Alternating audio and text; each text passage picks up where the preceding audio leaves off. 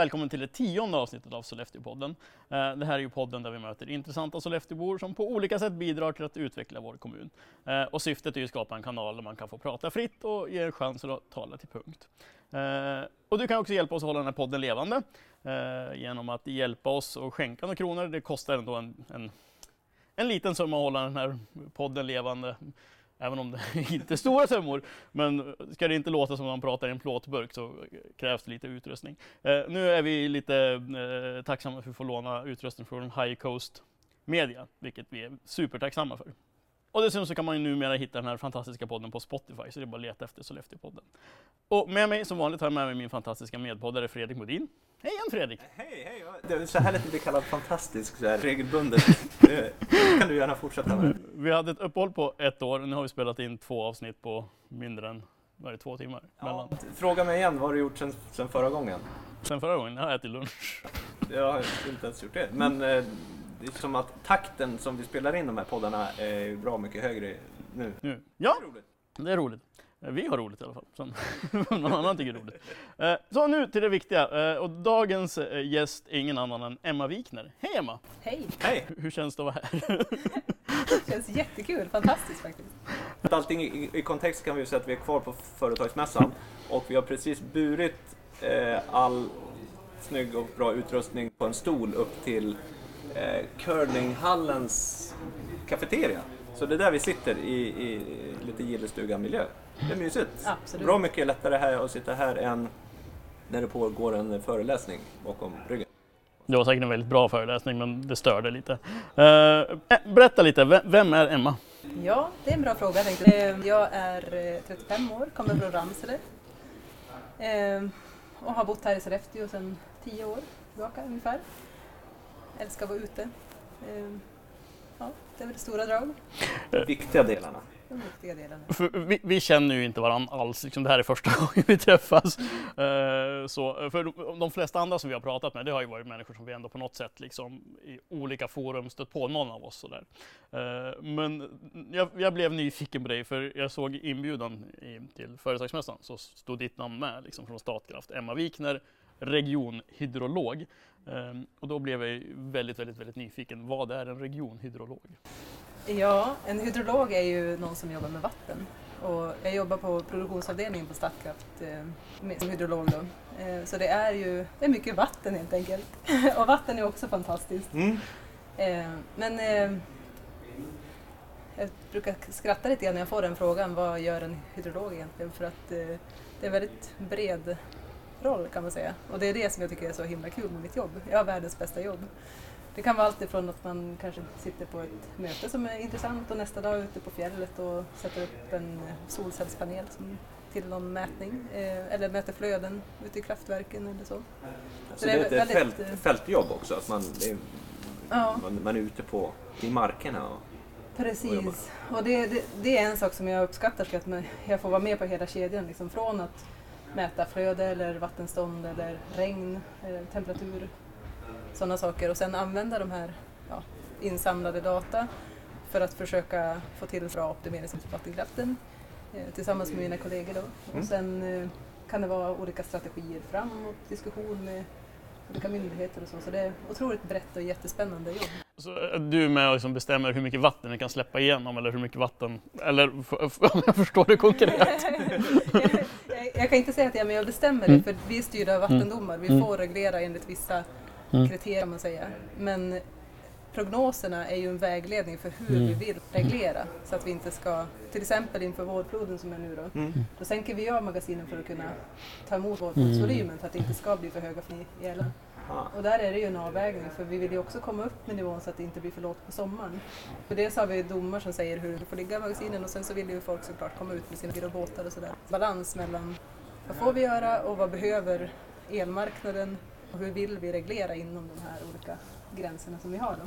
Det man tycker till. Ja men det är det och det är, det är ett samspel Mm. liksom, mellan olika aktörerna. Rent, så här konkret, du, jag antar att du inte är liksom ute i älven och liksom, ja, står med, som man gjorde när man pimplade, så här, så här djupt är det. Eh, När vi mäter flödet till exempel, då har man en, en eh, akustisk utrustning som är monterad på en liten flotte. Och då kan man antingen mäta från båt eller så mäter man, oftast så spänner jag upp rep över älven. Då. Och sen så drar Ja, du är med och gör det också Ja. själv? Mm. Ja, precis. Eh, och sen så är det en GPS-basstation för positionering så man hela tiden ska veta exakt vart man har kört. Mm. Och sen då skickar den här sensorn en eh, ljudvåg som Mm. reflekteras både mot botten och mot partiklar i vattnet. Och genom liksom att den vet hur lång tid det tar för den här vågen att återvända så kan den räkna ut liksom vattenhastighet Mm. och area och beräkna ett flöde. Så då får man liksom en fördelning.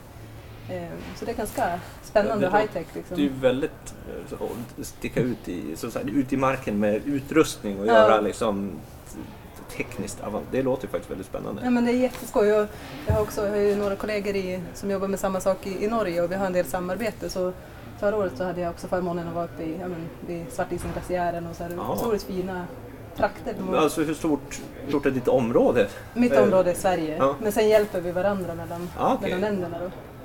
Men du, du liksom ute och, och åker runt liksom i landet och gör det här på... Ja, precis. Wow! Det, det blir nyfiken Hur blir man hydrolog? Alltså vad, vad är det för utbildning? Vad, vad har man för utbildningsbakgrund för att komma dit? Ja, det finns ju liksom rena hydrologutbildningar. Men Ja. eh, jag läste miljö och vattenteknik Mm. i Uppsala, Okej. civilingenjör. Och då var det ganska mycket, alltså dels har man ju möjlighet att välja lite kurser, så jag valde en del vattenkraft Mm. och hydrologi. Så det är ett spår då. Ja, okej. Men eh, man kan också vara hydrolog. Det är liksom motsvarande en meteorologutbildning. Som, meteorolog jobbar med vädret och hydrogen tar hand om vattnet som kommer till marken och liksom följer Ah, kretsloppet. ja, ja, där. så du, är lite nära varandra på Ja. något sätt men ändå... Okej. Eh, Och när vi gör sådana här poddar så brukar vi göra lite research och det går ut på att vi googlar mest. Okej. och sen eh, kontakta lite gemensamma bekanta eh, som ja, egentligen jag såg vi hade på Facebook. Det var, mer än så var det liksom inte. Du är inte idrottsintresserad? Att jag inte är det? Du är det? Jag är inte det. Röjf och eh, Långsele allmänna jag, idrottsförening har jag hittat. Fotboll, fotboll och mycket löpning. Ja, okej. Ja. Ehm, Ruf, det var ju lite kul faktiskt för att det var, jag har en kollega som har, varit, som har spelat, hon slu, jag, jag tror att hon har slutat nu i alla fall, Elisabeth Mikaelsson. Och vi käkade lunch för några år sedan och jag, alltså jag tycker jättemycket om, om man ska kalla det idrott, men att vara ute och åka skidor och gå i berg och klättra och sånt där. Men jag har inte liksom varit engagerad i ett lag. Det de lite brist på, på hockey. Ja. Och innan den här lunchen var slut så hade jag i alla fall sign- liksom signerat något att jag skulle spela. Jag så jag försökte förklara för Elisabeth att jag inte var så bra på fotboll. Hon bara, nej men du kan springa, det är bra. Ja, men jag, läste ju ett matchreferat där det står så här, Emma Vi, ja, jag tror att det var någon tränare som sa så här, liksom, ja hon är framme och irriterar målvakten. Det kan, det kan jag tänka. Ja men så, så det, det, du har inte varit någon så här fotbollsspelare, men löpning är något du gör. Ja men precis, jag tycker att det är skoj liksom. Och det är ju ute i naturen upplevelsen Ja. misstänker jag. Mm. Och sen har jag ju en del sådana lite halvgalna, jag lyckades hamna på New York Marathon av någon Mm. anledning för min, min svägerska hade anmält mig. Eh, men- Tänkte jag säga sånt man bara hamnar på. Nej men det var lite så faktiskt, för hon ringde så här, ja men vad gör du liksom den här, jag tror att det var sista helgen i oktober. Mm. Så sa nej men jag har väl inget speciellt planerat. Och hon hade någon halloweenfest på gången och Kul. så här, vi ska åka till New York. Så här. Det var jättekul. Men när var det här? Det var 2015 så det är nästan preskriberat Mm. Men du har inte sprungit någon, jag tror att jag hittade att du har sprungit ett par maraton förutom den då. Ja, jag har sprungit, jag tror att den heter Höga Kusten, den här terrängmaraton. Mhm, mm. Och så High Coast. Trail? Ja, Ja. ja. Det, det, visst är det det? finns ju två, men jag har sprungit Ja. den som är där i Stotteråsgreven. Ja, vilken dröm. Det, jag vill ju också jättefin. göra det, men jag har inte riktigt eh, vågat mig på den än. Men det är målet. Ja, Men för det finns ju vanliga Höga Kusten maraton också, va? mm. där man springer med landsvägs... ja just det. Mm. Men den där verkar det ser ju jättehärligt ut. Ja. Och jobbigt. Ja men precis. Ja, det, det, avslutet på den var tungt faktiskt. Jag, för jag, jag blev så skratt för min kompis var där och son som är fem. Men Mm. då när jag sprang var han kanske kan han vara två och ett halvt, tre. Då blev han ju såklart så glad när han såg mig. Så då sprang de och mötte mig så- och man avslutade en ganska brant och slutade med att jag fick bära honom hundra höjdmeter och sen stupade för jag. Alltså, Så hon har en bild när han liksom har brottat ner mig. är du en tävlingsmänniska? Eh, både ja och nej. Jag har nog varit det mer förut. Eh, men ganska mycket tävlingsmänniska. Men jag, jag tror att jag tycker det är mer, det är roligare liksom att det går bra för laget, att det går Mm. bra för alla. Så, liksom. Han irriterar målvakten. Ja, precis. Ja. Ja. Men, eh, tolkade du det så? Det gjorde jag faktiskt. Ja, precis. Nej, men, ja, det, det är bilden man får när man googlar det. Nej, för det, det, man hittar ju en massa tävlingsresultat, liksom, så här, löpning och det är mycket liksom, ja, något fotbollsreferat här och där. Så där. Eh, Men det är mycket, liksom, det är mycket idrott och det är mycket sådär, eh, ja, tävlingar där det finns placeringar och sådär. Så, så det var det, mm, ja, utan att ha träffat dig eller känt dig eller pratat med dig ens, utan så var det liksom, men det här verkar vara en tävlingsmänniska, eller någon som gillar att tävla i alla fall. Ja.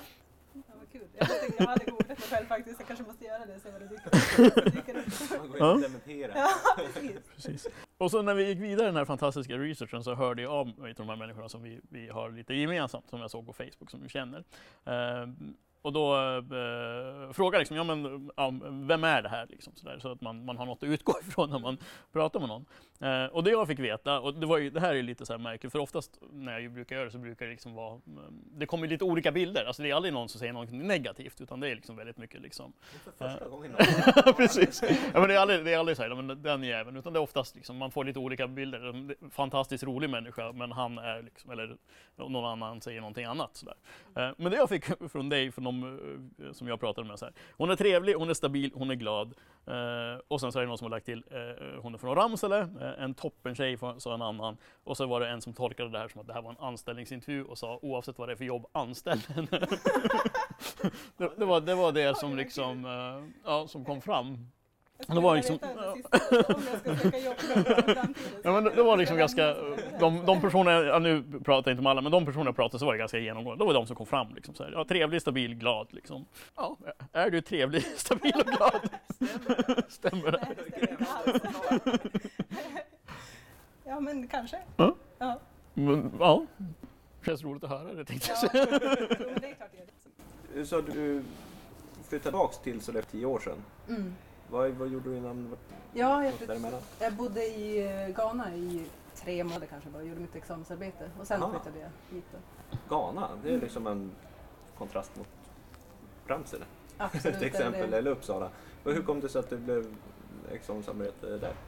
men dels så var det ett spännande projekt och sen så var jag sugen att ut och resa och se lite Mm. annat. Liksom. Vad gjorde du för något? Alltså, själva projektet? Kanske supertekniskt svårt. Nej, men eh, jag byggde upp en modell för att eh, se vad som var bäst för dem. Hur de, alltså jag var i deras nästa största som heter Kumasi Ja. eh, och de har stora problem med sophantering. För det är så väldigt mycket människor och det är en så stor tillväxt. Liksom. Mm. Och samtidigt så har de ganska stor energibrist.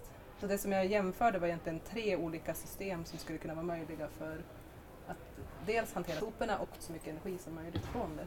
Ah, kul. Mm. Men det var, det var ganska utmanande för att vi hade rätt stort, jag och min handledare hade ganska stor om- omfattning på projektet när jag åkte dit och så stämde jag träff med på kommunkontoret och behövde liksom, ja, men en karta, så grund, hur lägger vi upp det här? Och så kom jag in där och säger jag, ah, välkommen, vad kul att du är här. Så jag bara, "Ja, men jag tänkte kolla, liksom, har du dokument på hur staden ser ut och liksom, hur ledningsnätet går? Ja, vi hade en karta en gång, men det var någon konsult som lånade den. Jag behövde tillbaka den. Så det, var liksom, och det var liksom inte så mycket logistik heller, det är sådana problem. De åkte ju runt med cyklar, badade och faktiskt liksom fysiskt skottade ur containrarna. Aha. Ja, just det. Ja, det är Mm. viss kontrast för vad man är van vid.